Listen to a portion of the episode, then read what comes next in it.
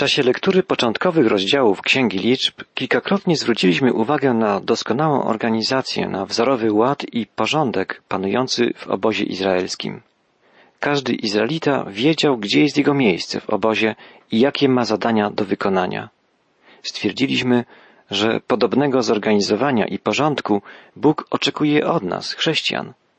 Każdy z nas powinien mieć świadomość, że należy do Bożego obozu, Bożej rodziny. I każdy z nas powinien znać swoje zadania, swoje miejsce w ciele Chrystusa. Dzisiaj dowiemy się kilku interesujących rzeczy na temat tego, jak dbano o zachowanie czystości w obozie Izraela. Bóg jest Bogiem świętym i ten, kto chce mu służyć, musi zachowywać czystość. Dotyczy to nie tylko Izraelitów, ale i nas dzisiaj. Przeczytajmy pierwsze cztery wiersze piątego rozdziału Księgi Liczb. Przemówił znów Pan do Mojżesza.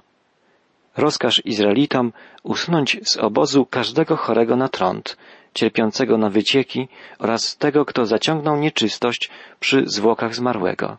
Tak mężczyznę, jak i kobietę macie usunąć poza obóz, aby nie plugawili waszego obozu, gdzie ja mieszkam pośród was. Uczynili tak Izraelici i usunęli ich poza obóz. Izraelici postąpili tu według rozkazu, jaki Pan dał Mojżeszowi. Izraelici musieli usuwać poza obóz chorych na trąd. Może nam się to wydawać okrutne, ale było to konieczne. Tylko w ten sposób można było zapobiec rozszerzaniu się choroby przenoszonej przez dotyk. Chodziło też o czystość kultową obozu, w którym zamieszkiwał sam święty Bóg. Studiując trzecią księgę mojżeszową, księgę kapłańską, zauważyliśmy, że sposób postępowania z chorymi na trąd wskazuje, że trąd jest symbolem grzechu. Trąd jest obrazem spustoszenia, jakie powoduje w człowieku grzech. Stara natura człowieka, toczona grzechem, musi być uzdrowiona, oczyszczona, a właściwie musi obumrzeć, a narodzić się musi nowa natura, nowy człowiek. Czytamy dalej. Przemówił znów Pan do Mojżesza tymi słowami. Powiedz Izraelitom, jeżeli mężczyzna lub kobieta dopuszcza się jakiego grzechu wobec ludzi, popełniając przestępstwo przeciw Panu, to osoba ta zaciągnie winę. Mają wyznać grzech popełniony i oddać dobro nieprawnie zabrane z dodaniem piątej części temu, wobec którego zawinił.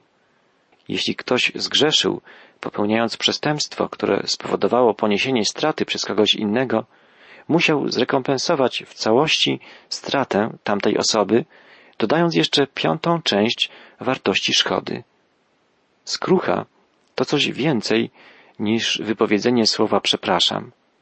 Prawdziwa skrucha, prawdziwy żal za popełnienie przestępstwa kosztem innego człowieka pociąga za sobą pragnienie naprawienia krzywdy, chęć wynagrodzenia poszkodowanemu jego straty z nawiązką.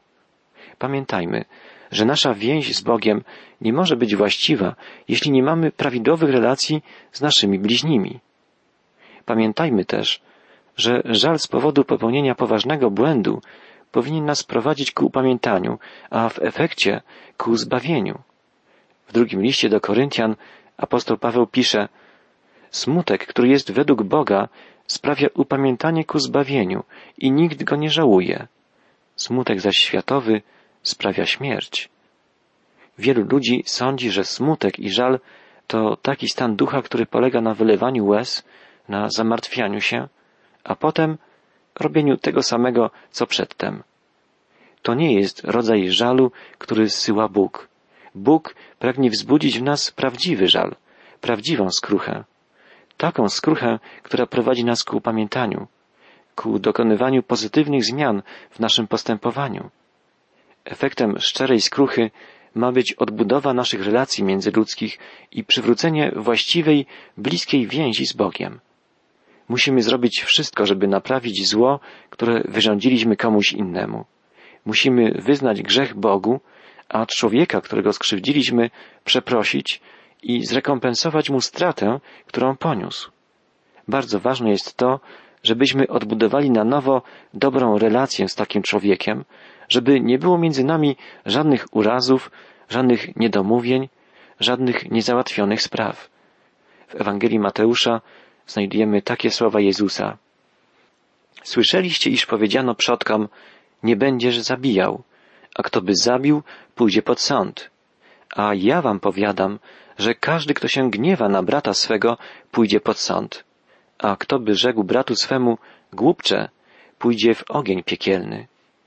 Jeśli byś więc składał dar swój na ołtarzu i tam wspomniałbyś, iż brat twój ma coś przeciwko tobie, zostaw tam dar swój, odejdź i najpierw pojednaj się z bratem swoim, a potem przyszedłszy złóż dar swój. Być może, że uważasz, tak jak większość ludzi, że skrucha to szczere przejęcie się czymś, wylanie łez i poważne zmartwienie się, a potem już wszystko jest w porządku. Pamiętaj, że nie jest to stanowisko biblijne. Nie jest to to, czego oczekuje od nas Jezus. Prawdziwa skrucha, prawdziwe upamiętanie się, to odwrócenie się od grzechu, zwrócenie się ku Bogu i ku ludziom, których zraniliśmy, naprawienie wszelkich, wszelkich krzywd i odbudowanie dobrych relacji. Niemożliwe jest to, żeby nasza więź z Bogiem była prawidłowa, gdy nasze relacje z bliźnimi będą niewłaściwe. W drugiej części piątego rozdziału Księgi Liczb mowa jest o ofierze związanej z popełnieniem przez kobietę zamężną grzechu cudzołóstwa albo z podejrzeniem popełnienia przez nią takiego grzechu. Czytamy od wiersza jedenastego. Rzekł znowu Pan do Mojżesza, tak mów do Izraelitów. Gdy mąż ma żonę rozpustną i tak zdradzi, przez to, że inny mężczyzna z nią obcuje cieleśnie, wylewając nasienie, a nie spostrzegł tego jej mąż i dopuściła się nieczystości w ukryciu, gdyż nie było świadka, który by ją pochwycił na gorącym uczynku, gdy więc duch podejrzenia ogarnie męża i zacznie podejrzewać żonę swoją, w wypadku, gdy rzeczywiście się splamiła lub będzie ją posądzał, choć się nie splamiła, wówczas winien mąż przyprowadzić żonę swoją do kapłana i przynieść jako dar ofiarny za nią dziesiątą część efy mąki jęczmiennej. Nie wyleje jednak na to oliwy, ani też nie położy kadzidła, gdyż jest to ofiara posądzenia, ofiara wyjawienia, która ma wykazać winę. Wówczas rozkaże kapłan zbliżyć się kobiecie i stawi ją przed Panem. Następnie naleje kapłan wody świętej do naczynia glinianego, weźmie nieco pyłu znajdującego się na podłodze przybytku i rzuci go do wody. Teraz postawi kapłan kobietę przed Panem, odkryje jej włosy i położy na jej ręce ofiarę wyjawienia, czyli posądzenia, wodę zaś gorzką, niosącą klątwę, kapłan będzie trzymał w swym ręku. Wtedy zaprzysięgnie kobietę i powie do niej, jeśli rzeczywiście żaden inny mężczyzna z tobą nie obcował i jeśli się z innym nie splamiła nieczystością względem swego męża, wówczas woda goryczy i przekleństwa nie przyniesie ci szkody. W następnych wierszach czytamy, że kapłan podawał potem kobiecie naczynie z gorzką wodą i musiała ona tę wodę wypić. Jeśli woda jej nie zaszkodziła, uznawano ją za niewinną. Opisana jest tu cała procedura, według której przebiegało składanie tej ofiary, zwanej ofiarą zazdrości. Miała ona charakter liturgiczny. Gdy kapłan wypowiadał słowa, jeśli byłaś niewierna swemu mężowi, niech woda ta wniknie do Twego wnętrza i niech sprawi, że spuchnie Twoje łono, a biodra zwiotczeją, kobieta odpowiadała Amen. Miało to bardziej znaczenie psychologiczne dla tej kobiety, szczególnie wtedy, gdy była naprawdę winna. Ale możemy zastanawiać się, dlaczego w ogóle taką ofiarę składano, tym bardziej, że jest to jedyna tego typu ofiara w prawie mojżeszowym. Wiemy, że gdy przyłapywano kogoś na cudzołóstwie, zgodnie z prawem, karano surowo zarówno kobietę, jak i mężczyznę. Oboje mieli być ukamienowani. Wydaje się, że ofiarę zazdrości składano dlatego, że małżeństwo przyrównane jest w Biblii do związku Chrystusa z Kościołem. Jest tu więc obraz niewierności Kościoła i obraz zazdrości, tak, zazdrości Chrystusa, zazdrości o Kościół, o oblubienicę. Czy Bóg może być zazdrosny? Tak, Bóg sam o sobie mówi, że jest Bogiem zazdrosnym. Wiele razy Bóg powtarza, jestem Panem, Twoim Bogiem, jestem Bogiem zazdrosnym. Nie jest to zazdrość porównywalna z naszą ludzką zazdrością.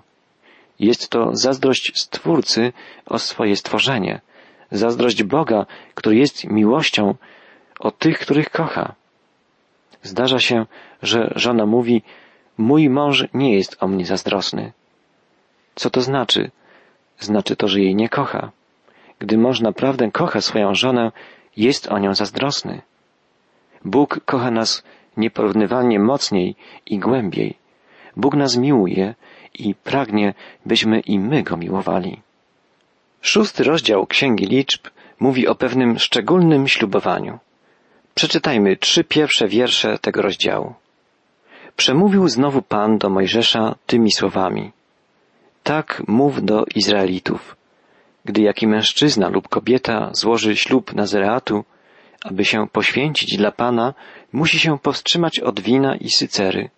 Nie może używać octu winnego i octu sycery, ani soku z winogron. Nie wolno mu jeść winogron zarówno świeżych, jak i suszonych.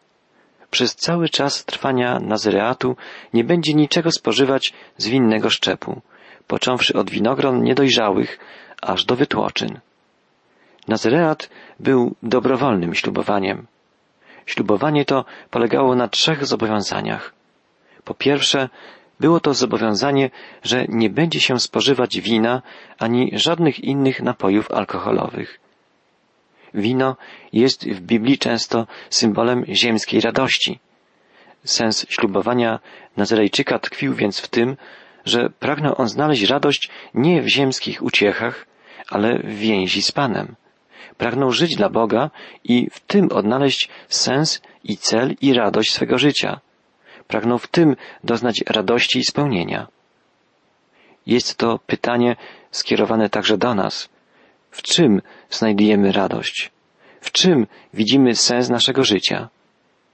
Spróbujmy zastanowić się nad tym i zapytać samych siebie, bardzo szczerze, bardzo osobiście, czy czerpiemy radość ze studiowania Biblii? Czy Boże Słowo jest dla nas skarbem, natchnieniem, przewodnikiem? Czy społeczność z Jezusem Chrystusem w modlitwie jest dla nas czymś radosnym, czymś, z czego czerpiemy siły do życia? Po drugie, Nazarejczyk nie obcinał swoich włosów. W piątym wierszu szóstego rozdziału czytamy Przez cały czas trwania Nazareatu nożyce nie dotkną jego głowy. Dopóki nie upłynie okres czasu, na który poświęcił się Panu, będzie święty i ma pozwolić, by włosy jego rosły swobodnie. Apostoł Paweł pisał do Koryntian Czyż sama natura nie poucza nas, że mężczyźnie, jeśli zapuszcza włosy, przynosi to wstyd? W kulturze żydowskiej długie, nieprzycinane włosy przynosiły mężczyźnie wstyd. Nazarejczyk dobrowolnie i świadomie postanawiał znosić wstyd dla Pana. Po trzecie, Nazarejczyk nie mógł dotknąć martwego ciała. W szóstym i siódmym wierszu czytamy w okresie, kiedy jest poświęcony dla Pana, nie może się zbliżyć do żadnego trupa. Nawet przy swoim zmarłym ojcu, matce, bracie czy siostrze nie może zaciągnąć nieczystości, gdyż nosi na swej głowie znamię poświęcenia dla Pana. Czytaliśmy w poprzednim, piątym rozdziale Księgi Liczb, że tak jak trędowaty musiał być usunięty z obozu, tak samo nie miał prawa w nim pozostać nikt, kto dotknął martwego ciała. Drogi słuchaczu, świat, w którym żyjemy, jest naznaczony śmiercią. Można powiedzieć, że śmierć jest najbardziej znamiennym piętnem naszej rzeczywistości. Jest to rzeczywistość grzechu, rzeczywistość Bożego przekleństwa, które spoczęło na ziemi od momentu upadku człowieka w grzech. Śmierć jest konsekwencją grzechu jest zapłatą za grzech. Nazarejczykowi nie wolno było dotykać martwego ciała. Miał on być oddzielony od grzesznego świata. Miał być poświęcony Panu. Pamiętamy słowa Pana Jezusa zapisane przez ewangelistę Mateusza. Kto miłuje ojca albo matkę bardziej niż mnie, nie jest mnie godzien. I kto miłuje syna albo córkę bardziej niż mnie, nie jest mnie godzien. Nazrejczyk dobrowolnie ślubował Bogu, że powierza mu swoje życie i dobrowolnie zobowiązywał się do związanych z tym ślubowaniem wyrzeczeń i obowiązków. Gdy przypatrujemy się ślubowaniu Nazreatu, możemy zadać sobie kilka pytań. Czy radujemy się jako chrześcijanie z przebywania z naszym Panem? Czy jesteśmy zdolni do znoszenia dla Niego wstydu? Czy Jezus jest w naszym życiu na pierwszym miejscu? My, chrześcijanie, nie składamy ślubowania Nazareatu, ale znamy Chrystusa, Zbawiciela, ucieleśnionego Boga. I tym bardziej jesteśmy powołani do bliskiego chodzenia z Panem, objawionym Bogiem, Bogiem, którego jedno z imion brzmi Immanuel, Bóg z nami. Nasze chodzenie z Panem jest dobrowolne. Jezus nikogo nie przymusza, by za nim szedł. On woła, wzywa nas do siebie, ale to zależy od nas, czy pójdziemy przez życie za nim i czy go pokochamy. Z naszej strony potrzebny jest akt wiary, akt powierzenia się Bogu, a to On uświęca nas, oczyszcza. Sami siebie nie jesteśmy w stanie uświęcić o własnych siłach. Nie jesteśmy w stanie sami się zmienić. Tylko Bóg może nas oczyścić, może nas przemienić, tak żebyśmy byli gotowi do życia w Jego Królestwie. To, co musimy zrobić, to przyjść do Boga z pustymi rękoma, tacy jacy jesteśmy, i powierzyć Mu samych siebie. Gdy swój czas, swoje zdolności, swój umysł, swoje serce oddamy do Jego dyspozycji, On sprawi, że nasze życie będzie obfite, spełnione, szczęśliwe. Znajdziemy się wtedy w centrum Bożej woli. Wypełnimy to, do czego Bóg nas wzywa. Miłujcie mnie całym sercem, całym umysłem, ze wszystkich sił. Nasza więź z Chrystusem jest więzią na całe życie. Tak jak o Nazarejczyku czytamy, podczas całego okresu trwania Nazareatu jest poświęcony dla Pana.